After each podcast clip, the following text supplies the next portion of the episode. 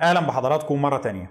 في الفيديوهات اللي فاتت إحنا اتعرفنا مع بعض على الصراع الإنجليزي الأسباني وشفنا إزاي إنجلترا بدأت تتحدى أسبانيا سياسيا وبحريا. النهارده إن شاء الله هنكمل كلامنا علشان نتعرف على إزاي اندلعت الحرب ما بين الدولتين وعلشان نتعرف على الارمادا الأسبانية. خليكم معانا. زي ما قلنا قبل كده البروتستانتية بتنتشر بشكل كبير جدا في منطقة الأراضي المنخفضة الهولندية أو المنطقة المعروفة باسم ال 17 مقاطعة والمنطقة دي اللي كانت خاضعة لحكم فيليب الثاني. انتشار البروتستانتية بيكون أكتر في السبع مقاطعات الشمالية منه في العشر مقاطعات الجنوبية. ولكن على أي حال انتشار البروتستانتية بيبدأ يتسبب مشاكل وحساسيات خصوصا مع وجود حاكم كاثوليكي زي فيليب على العرش. ولكن بالإضافة للمشاكل اللي بيسببها انتشار البروتستانتية في هولندا بيكون عندنا مشكلتين كبار بيواجههم الهولنديين تجاه حكم فيليب. المشكلة الأولى كانت متعلقة بسياسات فيليب والحروب بتاعته لأنه الحروب دي أثرت بالسلب على التبادل التجاري ما بين هولندا وما بين باقي دول العالم وعلى رأسها فرنسا المجاورة ليها. المشكلة الثانية هي المتعلقة بسياسات فيليب في مجال الضرائب. فيليب علشان يقدر يمول الحروب بتاعته كان بيفرض ضرائب مرتفعة على الهولنديين. وبالتالي بدأ النشاط الاقتصادي لهولندا يتدهور لأنه من ناحية في حروب شغالة بتمنع التبادل التجاري وبتقلل دخلهم ومن ناحية تانية بيفرض عليهم ضرائب أعلى وبالتالي الدخل القليل ده بيقل أكتر بسبب الضرائب المرتفعة. كل العوامل دي مجتمعة بتؤدي في النهاية لاندلاع ثورة ضد حكم فيليب الثاني في السبع مقاطعات الشمالية سنة 1566 السبع مقاطعات الشمالية دي اللي هي هتتحول فيما بعد للجمهورية الهولندية. بينما العشر مقاطعات الجنوبية هي اللي هتتحول فيما بعد لبلجيكا ولوكسمبورغ. ولكن عموما أعمال شغب وعنف بتبدأ تندلع ما بين أنصار البروتستانتية وما بين الكاثوليك. أعمال الشغب دي بتبدأ سنة 1566 لما مجموعة من البروتستانت بيقوموا بتحطيم الأيقونات والتماثيل الدينية الموجودة في الكنائس وهنا رد فعل فيليب اللي كان متوقع جدا هو إن هو بيبعت جيش ضخم علشان يسيطر على أعمال العنف دي ويمنعها وعلشان يحجم من انتشار البروتستانتية في هولندا أو يقضي على انتشار البروتستانتية فيها تماما لو قدر. ولكن المشكلة هنا كانت إنه الجيش اللي فيليب بيبعته علشان يسيطر على أعمال العنف دي كان جيش أسباني والقائد بتاعه كان نبيل أسباني وده شيء بيستفز الهولنديين جدا سواء كانوا بروتستانت أو كاثوليك لأنه هولندا أو الأراضي المنخفضة أو ال 17 مقاطعة دول ليسوا تابعين لأسبانيا. أيوه حاكم أسبانيا أو ملك أسبانيا اللي هو فيليب الثاني يبقى هو نفسه حاكم ال 17 مقاطعة دول ولكن ده مش معناه إنه هولندا أو ال 17 مقاطعة بقوا جزء من أسبانيا أو بقوا تابعين ليها. اللي حصل هنا هو اتحاد شخصي الاتحاد الشخصي يعني ملك واحد بيحكم دولتين أو أكتر. هنا كل دولة من الدول دي بتحتفظ بكيانها المستقل اقتصاديا وإداريا وعسكريا وسياسيا. طبعا بحكم كون إن ليهم حاكم واحد ده بيبقى معناه إن في نوع من التنسيق والتحالف ما بينهم. مش هيحاربوا بعض والحاكم بتاعهم هو نفس الشخص ولكن في النهاية ده ما بيكونش معناه اندماج الدولتين دول في بعض. ما بيكونش معناه إنه الأراضي المنخفضة الهولندية بقت أرض تابعة لأسبانيا. اللي بيحصل هنا هو إنه الهولنديين بيخافوا على استقلالهم. بيخافوا من إن الكيان بتاع دولتهم ده ينمحي ويتم اعتبارها جزء من أسبانيا. وبالإضافة لكده اللي بيزيد الطين بلة هو إنه قائد الجيش الأسباني بيتخذ قرار أهوج بإن هو يعدم اثنين من كبار النبلاء الهولنديين. سبب إعدامهم هو إنهم لم يبدوا العداء الكافي للبروتستانت. يعني المشكلة هنا إن الاثنين اللي تم إعدامهم دول مش بس من كبار النبلاء ولكنهم كانوا كاثوليك. وكانوا موالين لفيليب الثاني. بيتم إعدامهم فقط لمجرد إن هم لم يعادوا البروتستانت بما فيه الكفاية. طبعا خطوة غشيمة زي دي بتفقد فيليب وبتفقد الأسبان أي تعاطف داخل هولندا سواء من الكاثوليك أو من البروتستانت. ولكن في النهاية القوة بتحكم ولو على الأقل بشكل مؤقت. في الفترة من 1566 لحد 1572 بينجح فيليب الثاني والقوات التابعة له في قمع أي أصوات معارضة ضده داخل الأراضي المنخفضة الهولندية. في ال 17 مقاطعة ما بيكونش فيه أي حد يجرؤ على إن هو يتحدى سلطة فيليب. أي حد بيتحدى سلطته كان بيتم قتله أو كان بيضطر يهرب خارج البلاد. هنا الثوار الهولنديين دول بيحاولوا يلجأوا لقوة أجنبية علشان تساعدهم ضد فيليب. وبيفكروا إن هم يلجأوا للملكة إليزابيث باعتبار إن هي كمان بروتستانتية وإن هي كمان عندها مشاعر من العداء تجاه إسبانيا. فإيه رأيك تساعدينا علشان نتحالف ضد فيليب؟ ولكن هنا الملكة إليزابيث بتكون في المرحلة دي غير راغبة في مواجهة أسبانيا. لا لسه القوة الإنجليزية ضعيفة وما نقدرش نتحدى الأسبان بشكل واضح. علشان كده بتتجنب إن هي تدعم الثوار دول بشكل علني تحت أي ظروف. وبتضطر تحت ضغط فيليب الثاني إن هي تصدر أوامرها بطرد السفن التابعة ليهم من الموانئ الإنجليزية سنة 1572 ولكن السفن اللي بتنطرد من الموانئ الإنجليزية دي لما بتلاقي إن خلاص ما بقالهاش مأوى تاني تروحوا بيقرروا إن هم في النهاية هيهاجموا هولندا مرة تانية. هيحاولوا ينتزعوا معقل ليهم من يد فيليب. وبالفعل السفن الهولندية دي بتهاجم بعض المدن الهولندية وبتنجح في السيطرة عليها. ومن هناك مجرد ما بقى في معقل تحت سيطرة الثوار دول بيبدأوا منه يوسعوا من سلطتهم ومن نطاق نفوذهم ضد حكم فيليب. المعارك ما بينهم وما بين فيليب والصراع ده بيستمر لفترة طويلة. على مدار حوالي عشر سنين بيبدأوا يتوسعوا ببطء لحد ما في النهاية بحلول سنة 1581 السبع مقاطعات الشمالية بيكونوا نجحوا بشكل فعلي في تحقيق استقلال. استقلال فعلي مش رسمي. يعني لحد الوقت ده ما كانش حد معترف باستقلالهم. ولكن في النهاية هم على أرض الواقع كانوا قدروا بالفعل ينفصلوا تماما عن سلطة فيليب وما يكونش فيه أي وجود للقوات الأسبانية داخل السبع مقاطعات التابعة ليهم. في الفترة دي الملكة إليزابيث كانت بتدعمهم ولكن بشكل غير رسمي وغير معلن. دعم سري كله تجنبا لأي مواجهة مباشرة مع الأسبان. ولكن سنة 1584 و 1585 بيبدأ يحصل تغير في موازين القوى على الأرض. الأوضاع بتتبدل بشكل كبير جدا والتغير ده كان بيهدد الثورة الهولندية بالفشل. اللي بيحصل في المرحلة دي إن واحد من أبرز قادة الثورة الهولندية بيموت. وبالإضافة لكده بيكون واضح أن فرنسا قررت تتحالف مع فيليب ضد الثوار الهولنديين. طبعا تحالف زي ده كان هيدعم صفوف الأسبان بشدة وكان هيسمح لفيليب بالقضاء فعليا على الثورة الهولندية وإعادة توحيد ال 17 مقاطعة دول تحت حكمه. وهنا الملكة إليزابيث بتلاقي نفسها قدام خيار مباشر. لازم تختار حاجة من اتنين يا إما تدعم الثوار الهولنديين دول بشكل واضح وصريح يا إما تترك فيليب يقضي عليهم. مفيش حل تالت. ما عادش ينفع موضوع إن إحنا نساعدهم من تحت لتحت. ولكن 1584 و 1585 كانت الأوضاع في إنجلترا نفسها اتغيرت. في المرحلة دي كان خلاص سير فرانسيس دريك قدر يتم رحلته للدوران حول الأرض وكان رجع لإنجلترا وكانت الملكة إليزابيث ضمته في خدمة الأسطول الإنجليزي بشكل رسمي. في المرحلة دي كان الأسطول الإنجليزي بدأ يتطور وبقى عنده المقدرة إن هو يفكر في منافسة أسبانيا. وعلشان كده الملكة إليزابيث لما بتبدأ توازن ما بين الاختيارين دول بتلاقي إنه لا الوقت ده وقت مناسب نبدأ فيه فعلا نتحدى الأسبان. خلينا نجرب كده هنوصل لإيه معاهم. وعلشان كده الملكة إليزابيث بتقرر إن هي هتدعم الثوار الهولنديين بشكل واضح ومباشر. وبالفعل سنة 1585 الملكة إليزابيث بتوقع اتفاقية مع الثوار الهولنديين اسمها اتفاقية نانساتش. في الاتفاقية دي الملكة بتتعهد بتوفير الدعم للثوار الهولنديين ضد حكم فيليب. وبالفعل بعد توقيع المعاهدة الملكة بتجهز حملة إنجليزية وبتبعت الحملة دي لهولندا علشان تساعد الثوار. وهنا توقيع المعاهدة وبعد كده الحملة اللي تلتها كانت هي القشة التي قصمت ظهر البعير. فيليب في المرحلة دي ما كانش عنده أدنى استعداد للتسامح. لا لحد كده وكفاية. الحملة دي والمعاهدة دي هي بداية الحرب ما بين إنجلترا وما بين أسبانيا. القرصنة الإنجليزية حطمت المصالح الأسبانية بشدة ورغم كده فيليب كان بيسكت وكان بيفوت الموضوع. ولكن لحد إن هم يدعموا الثوار ضده أو المتمردين ضده داخل ممتلكاته لا هو ما عندوش أدنى استعداد للتسامح معاهم. وعلشان كده بيبدأ يجهز الأسطول بتاعه علشان يهاجم إنجلترا. ولكن في المرحلة دي ما كانش الأسطول بتاعه هو فقط الأسطول الأسباني. كان في أسطول تاني ضخم جدا انضم للقوة البحرية بتاعت فيليب. الأسطول ده اللي هو الأسطول البرتغالي. طيب إيه بقى قصة البرتغال دي كمان؟ سنة 1578 كان في صراع على الحكم داخل الدولة السعدية اللي كانت بتحكم المغرب. الصراع ده كان ما بين الملك محمد المتوكل وعمه أبو مروان عبد الملك. في محاولة منه لحسم الصراع أبو مروان عبد الملك بيقرر إن هو يستنجد بالعثمانيين. بيروح يتفاوض مع العثمانيين علشان يتحالفوا معاه ويبعتوا معاه جنود يساعدوه في الانتصار على محمد المتوكل. العثمانيين هنا طبعا ما بيصدقوا دي فرصة ممتازة إحنا لازم نساعد الراجل ده. ما دام هو اللي جالنا وطلب مساعدتنا دي فرصة علشان نقدر نحصل على بعض النفوذ في المغرب. العثمانيين كانوا منتظرين فرصة زي دي بقالهم حوالي 20 سنة من يوم ما خسروا في معركة وادي اللبن اللي منعتهم من دخول المغرب.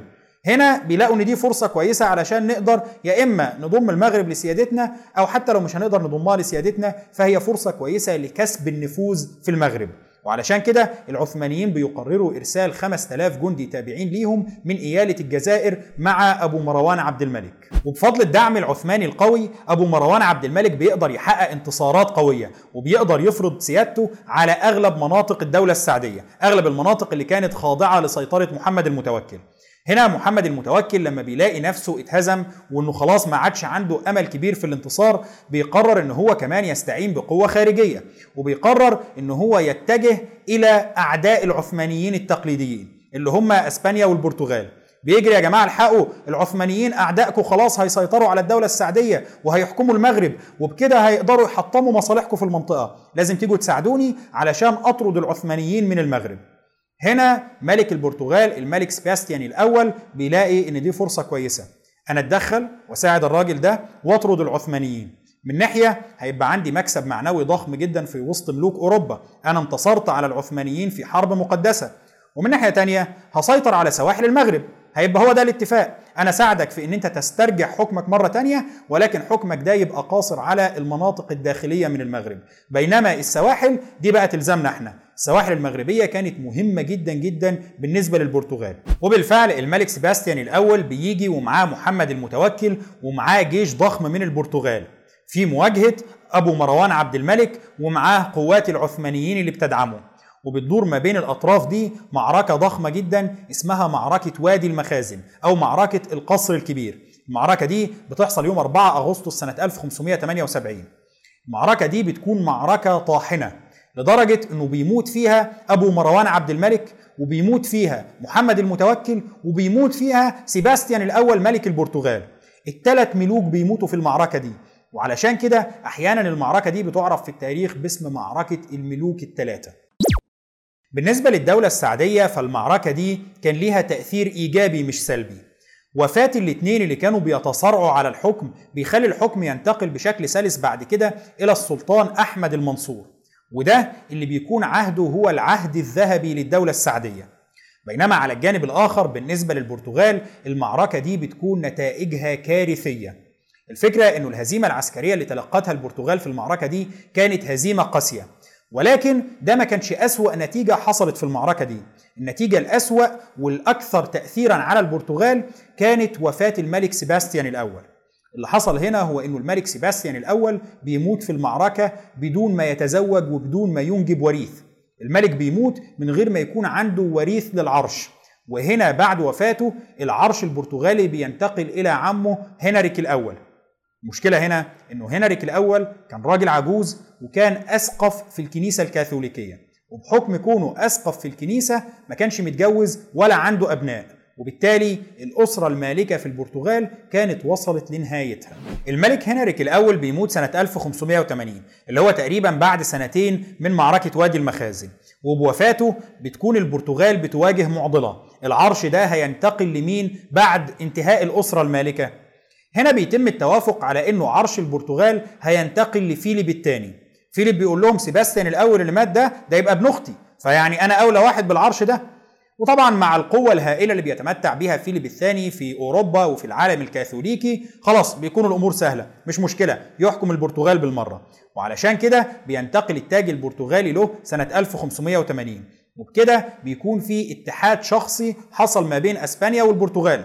تفضل برضو كل دولة منهم مستقلة عن الأخرى سياسيا وإداريا واقتصاديا. ولكن في النهاية الحاكم بتاعهم واحد. وبالتالي بقى في تحالف وتنسيق في كل المستويات ما بين أسبانيا وما بين البرتغال. طبعا هزيمة البرتغال في وادي المخازن بتأثر عليها بشكل أو بآخر بتضعف قوتها. ولكن في النهاية البرتغال كانت لا تزال قوة يحسب لها حساب خصوصا في المجال البحري. الأسطول البرتغالي كان لا يزال أسطول قوي جدا. اللي بيأثر بس على البرتغال في المرحلة دي فعليا بيكون إنه السلطة في البرتغال بتنتقل لحاكم زي فيليب اللي هو بالنسبة له المصالح البرتغالية ليست أولوية. بالنسبة له الأولوية القصوى للمصالح الأسبانية. لكن أي مملكة تانية هو بيحكمها ما كانتش بتتمتع عنده بنفس الأولوية دي. إنما على أي حال حصل الاتحاد ما بين الدولتين ما بين أسبانيا وما بين البرتغال. والقوة البحرية بتاعة الدولتين دول بقت تحت سيطرة فيليب. الكلام ده حصل سنة 1580 قبل ما تندلع الحرب ما بين فيليب وما بين انجلترا بخمس سنين. وعلشان كده لما بتبدأ نذر الحرب دي تتصاعد وفي النهاية خلاص إليزابيث بتوقع الاتفاقية مع الهولنديين هنا فيليب بيقول طيب أنت اللي جبتي لنفسك بقى. تحملي غضبه الأسطول البرتغالي والأسطول الأسباني مع بعض. الأرمادة الأسبانية بتبدأ تجهز نفسها للتحرك. الحرب بتندلع ما بين انجلترا وما بين اسبانيا سنة 1585 الحرب دي اللي هي بتكون عبارة عن سلسلة من الصراعات والاشتباكات ما بين البحرية الإنجليزية والبحرية الأسبانية.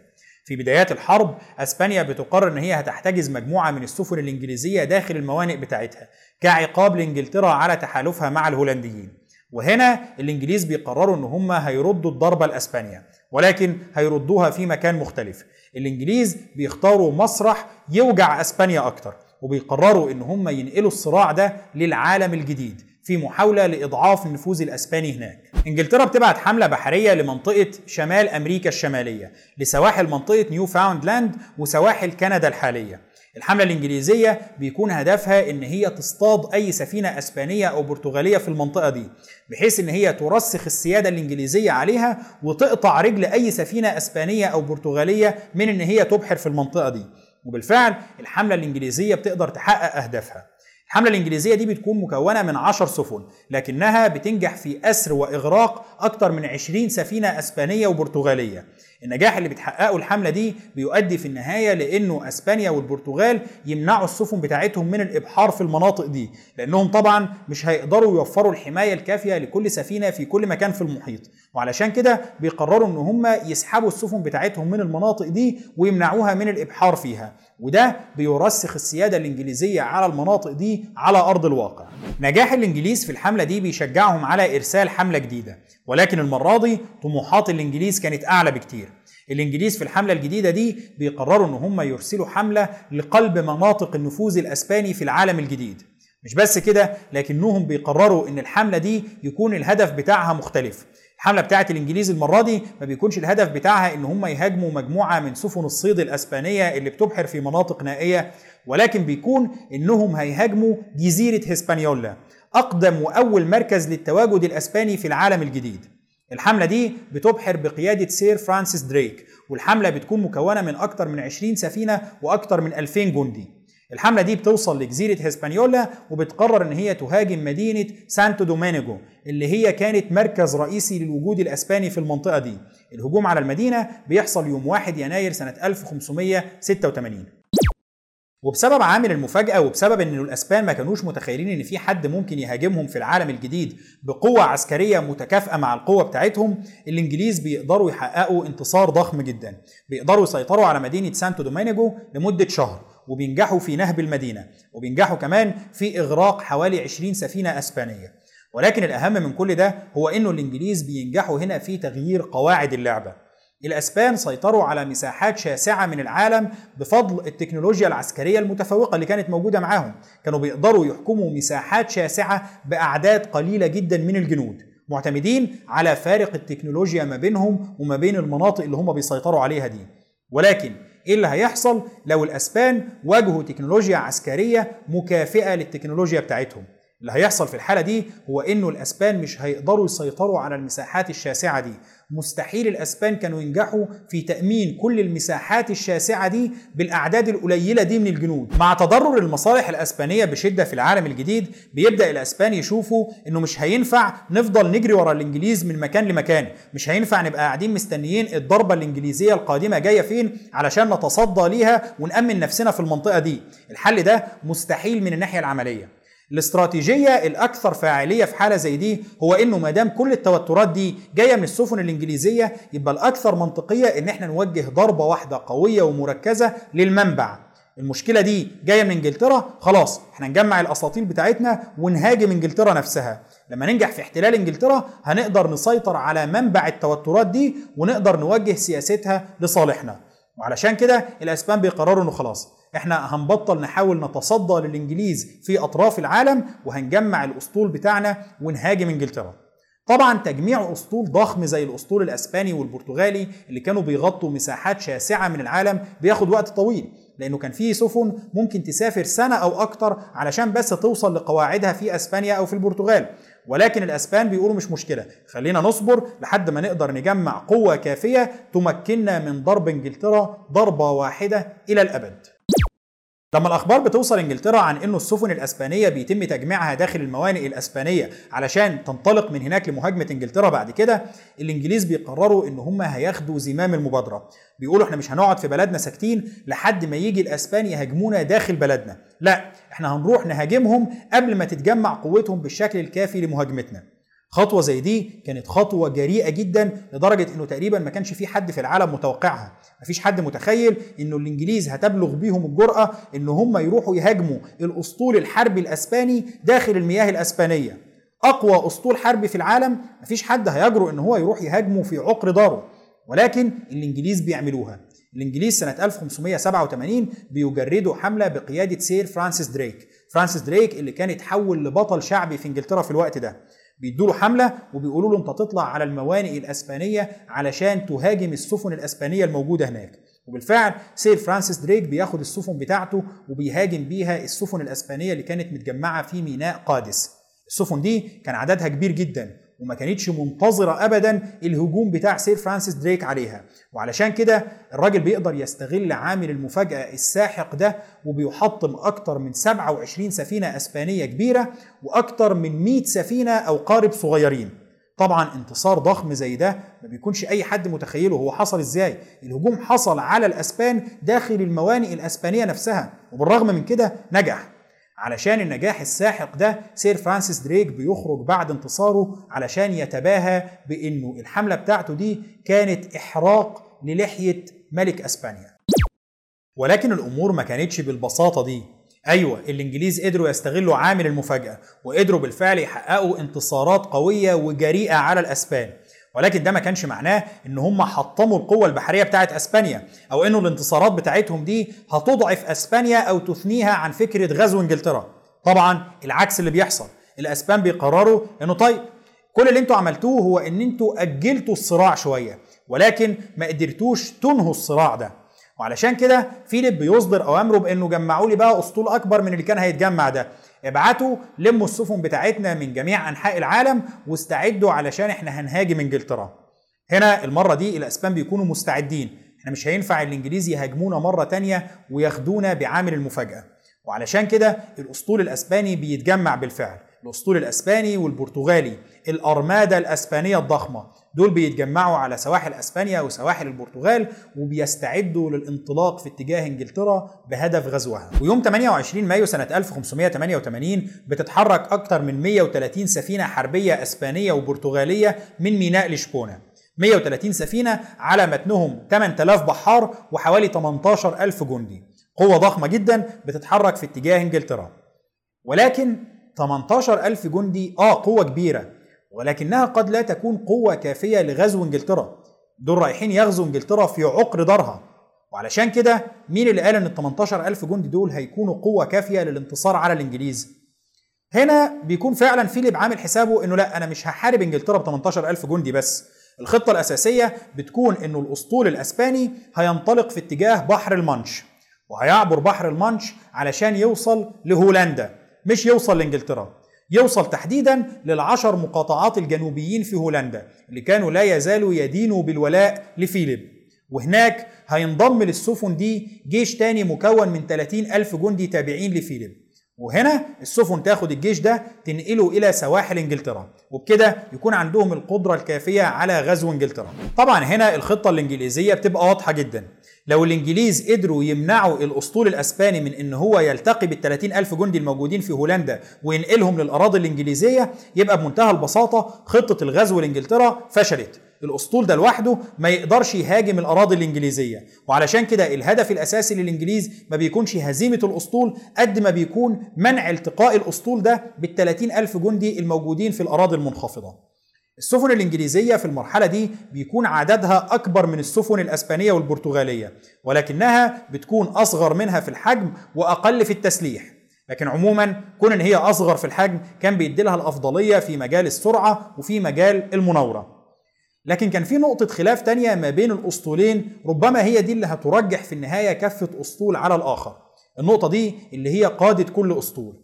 قائد الأسطول الأسباني في المرحلة دي كان رجل ما عندوش أي خبرة في مجال المعارك البحرية. اللي بيحصل إنه قبل بداية الحملة بفترة بسيطة قائد الأسطول الأسباني وده اللي كان راجل متمرس جدا في مجال البحرية بيموت. وهنا كان فيليب لازم يعين قائد جديد للأسطول. فيليب هنا بيختار قائد عنده خبرة عسكرية كويسة ولكنها خبرة برية. ما كانش عنده أدنى خبرة في مجال المعارك البحرية. وبيعين الراجل ده كقائد للأسطول الأسباني. بينما على الجانب الآخر الملكة إليزابيث كانت بتستعين في المرحلة دي بخدمات القراصنة وكلاب البحر بتوعها. ودول اللي كان عندهم خبرات بحرية كبيرة جدا وأغلب الخبرات دي كانت في مجال الهجوم على السفن الأسبانية. يوم 19 يوليو سنة 1588 الأسطول الأسباني بيوصل لبدايات القنال الإنجليزي أو بدايات بحر المانش بالقرب من ميناء بليموث الإنجليزي. الميناء ده اللي كان متجمع فيه في التوقيت ده أغلبية قطع الأسطول الإنجليزي. ولكن وقت وصول الأسطول الأسباني للمنطقة كان الأسطول الإنجليزي يعتبر محاصر داخل ميناء بليموث. كان المد في غير صالحهم والسفن الإنجليزية ما كانتش قادرة تخرج من الميناء بسهولة علشان توزع نفسها في تشكيل قتالي. في المرحلة دي الأسطول الإنجليزي كان في حالة ضعف شديد. والتصرف الأقرب للصواب في اللحظة دي كان أن الأسطول الأسباني يستغل القوة النارية المتفوقة بتاعته ويستغل أن هو تقريبا محاصر الأسطول الإنجليزي علشان الأسطول الإنجليزي ما يقدرش يستفيد من مزايا السرعة والمناورة بتاعته ويوجه القوة النارية المتفوقة دي لتدمير الأسطول الإنجليزي. لو الأسبان كانوا عملوا كده كانوا ضمنوا السيطرة على القنال الإنجليزي بالكامل في المراحل التالية للحرب. وبالتالي كان هيبقى سهل جدا إن هم يروحوا هولندا يجيبوا الجنود من هناك وينقلوها لإنجلترا. ما كانش هيبقى في حد يقدر يمنعهم. ولكن قائد الأسطول الأسباني بيقرر إن هو مش هيشتبك مع الأسطول الإنجليزي في المرحلة دي. بيقول لا أنا عندي أوامر إن أنا ما أشتبكش معاهم قبل ما أجيب الجنود وأنقلهم للسواحل الإنجليزية. وأنا هلتزم بالأوامر بتاعتي دي. وعلشان كده بيضيع على نفسه فرصة ذهبية كان ممكن تحسم الحرب دي لصالح أسبانيا. الاشتباكات بتبدأ ما بين الأسطول الإنجليزي والأسطول الأسباني يوم 20 يوليو سنة 1588 وبتستمر على مدار الأيام اللي بعدها. في بداية الاشتباكات دي السفن الإنجليزية بتقدر تستفيد جدا من سرعتها وقدرتها العالية على المناورة مقارنة بالسفن الأسبانية. وبتبدأ تشتبك معاهم من بعيد بحيث أن السفن الأسبانية ما تقدرش تحطم السفن الإنجليزية وتستفيد من فارق القوة النارية المتفوقة بتاعتها. ولكن عموما الاشتباكات في الأيام الأولى ما بتكونش حاسمة. الاشتباكات بتستمر على مدار الأيام اللي بعدها خصوصا وإنه الأسطول الأسباني ما كانش مهتم بالاشتباك مع الإنجليز قد ما كان مهتم بإن هو يوصل لسواحل هولندا علشان يقدر ينقل الجيوش اللي كانت موجودة هناك. وعلشان كده الأسطول الأسباني بيحاول قدر الإمكان إن هو يوصل لمنطقة جنوب هولندا. المنطقة اللي المفترض يلتقي فيها بالجيش اللي تابع لفيليب علشان ينقله لإنجلترا. وطبعا هنا الإنجليز وحلفائهم الهولنديين بيحاولوا بمنتهى القوة إن هم يمنعوا اللقاء ده. المحاولات بتاعت الإنجليز والهولنديين بترتكز على نقطتين. النقطة الأولى هي إنهم يقطعوا الاتصال ما بين الجيش التابع لفيليب وما بين الأسطول الأسباني. والمحاولة الثانية هي إنهم يحاولوا يفرقوا سفن الأسطول الأسباني ويبعدوها عن نقطة اللقاء. في النهاية بعد أيام من المناورات والاشتباكات الأسطول الأسباني بينجح في الرسو مقابل سواحل منطقة كاليه الفرنسية. وهنا دي بتكون أقرب نقطة هو يقدر يوصل لها علشان يلتقي بالجيش الموجود في جنوب هولندا. ولكن بينقطع الاتصال ما بين الجيش وما بين الأسطول. وما بيقدروش يعرفوا فين بالظبط المفترض يلتقوا بيهم. والجيش ده بيتأخر في الوصول للأسطول. وفي نفس الوقت اللي بيبدأ فيه الهولنديين والإنجليز يهاجموا السفن بتاعة الأسطول في المنطقة اللي هي بترسوا فيها. الهولنديين هنا بيستخدموا مجموعة من القوارب والسفن الخفيفة اللي كانت تقدر توصل للمياه الضحلة وتناور فيها بسهولة. بينما السفن الأسبانية والبرتغالية كانت ضخمة جدا. ما كانتش تقدر تناور في الأماكن اللي المياه ضحلة فيها بالشكل ده. الهولنديين بيجيبوا مجموعة من السفن أو القوارب الخفيفة دي ويملوها بالمتفجرات ويملوها بمواد سهلة الاشتعال وبيوجهوا السفن دي في اتجاه الأسطول الأسباني بحيث إن هم يصطدموا بيه ويغرقوه. اللي بيحصل هنا إن السفن الأسبانية بتقدر تناور وتخرج من الفخ اللي كان منصوب لها ده ولكن في النهاية المناورة والخروج من الفخ ده بلا خسائر بيكون لها ثمن ضخم جدا. أيوه الأسبان خرجوا من المناورة دي من غير ما تغرق لهم سفن. ولكن على الجانب الآخر السفن بتاعة الأسطول الأسباني تفرقت أثناء خروجها من المنطقة دي. والتفرق بتاع سفن الأسطول الأسباني كان بيجعلها ضعيفة جدا في مواجهة سفن الأسطول الإنجليزي. مع تفرق سفن الأسطول الأسباني دي بتكون الفرصة الذهبية للأسطول الإنجليزي علشان يهاجم. وبالفعل الأسطول الإنجليزي بيهاجم هنا بمنتهى القوة وبينجح في إغراق عدد من سفن الأسطول الأسباني. الأسطول الإنجليزي هنا لما بيهاجم الأسطول الأسباني بيطلق عليه تقريبا كل القوة النارية المتاحة له لحد ما الطلقات والبارود بتاع السفن الإنجليزية بيخلص. وبعد كده خلاص بقى الأسطول الإنجليزي بينسحب لأن هو ما عادش عنده طلقات يقدر يضربها أكتر من كده. ولكن الخسائر اللي بينجح الإنجليز في إيقاعها في صفوف السفن الأسبانية بتكون كبيرة. المشكلة الأكبر إنه الأسبان هنا بيكونوا أدركوا إنه مفيش أدنى فرصة عندهم علشان يقدروا يلتقوا بالجيوش الموجودة في جنوب هولندا. وبكده خطة الغزو الرئيسية فشلت. إزاي هنقدر نغزو إنجلترا وإحنا ما عندناش الجيش الضخم اللي موجود في جنوب هولندا؟ القوات الموجودة على متن السفن دي ما تقدرش لوحدها تغزو إنجلترا. ومع فشل الخطة الرئيسية بيفكر الأسطول الأسباني في الانسحاب. إحنا عايزين نرجع لقواعدنا في أسبانيا. طيب هيرجعوا إزاي؟ الاسبان هنا بيقرروا إن هم يعودوا لأسبانيا عن طريق الدوران حول الجزر البريطانية. ما هو طريق الرجوع من القناة الإنجليزي مقفول. فما فيش عندنا حل غير إن إحنا نلف حوالين الجزر البريطانية. ولكن هنا الإنجليز بيقولوا لهم طيب أنتوا جيتوا في ملعبنا. السفن الإنجليزية هنا بتنطلق لمهاجمة السفن الأسبانية أثناء دورانها حوالين الجزر البريطانية. وبتنجح بالفعل في أثناء الرحلة بتاعة السفن الأسبانية دي في إغراق عدد منها وإلحاق خسائر ضخمة بيها. في النهاية الأسطول الأسباني بينجح في العودة مرة أخرى إلى أسبانيا ولكن بعد ما بيكون خسر تلت السفن بتاعته. الأسطول الإنجليزي هنا بيكون نجح في تحقيق انتصار ضخم جدا على أسبانيا ونجح في منع محاولة غزو إنجلترا. ولكن ده ما بيكونش نهاية الصراع ما بين الدولتين. الصراع ما بين الدولتين كان لا يزال مستمر.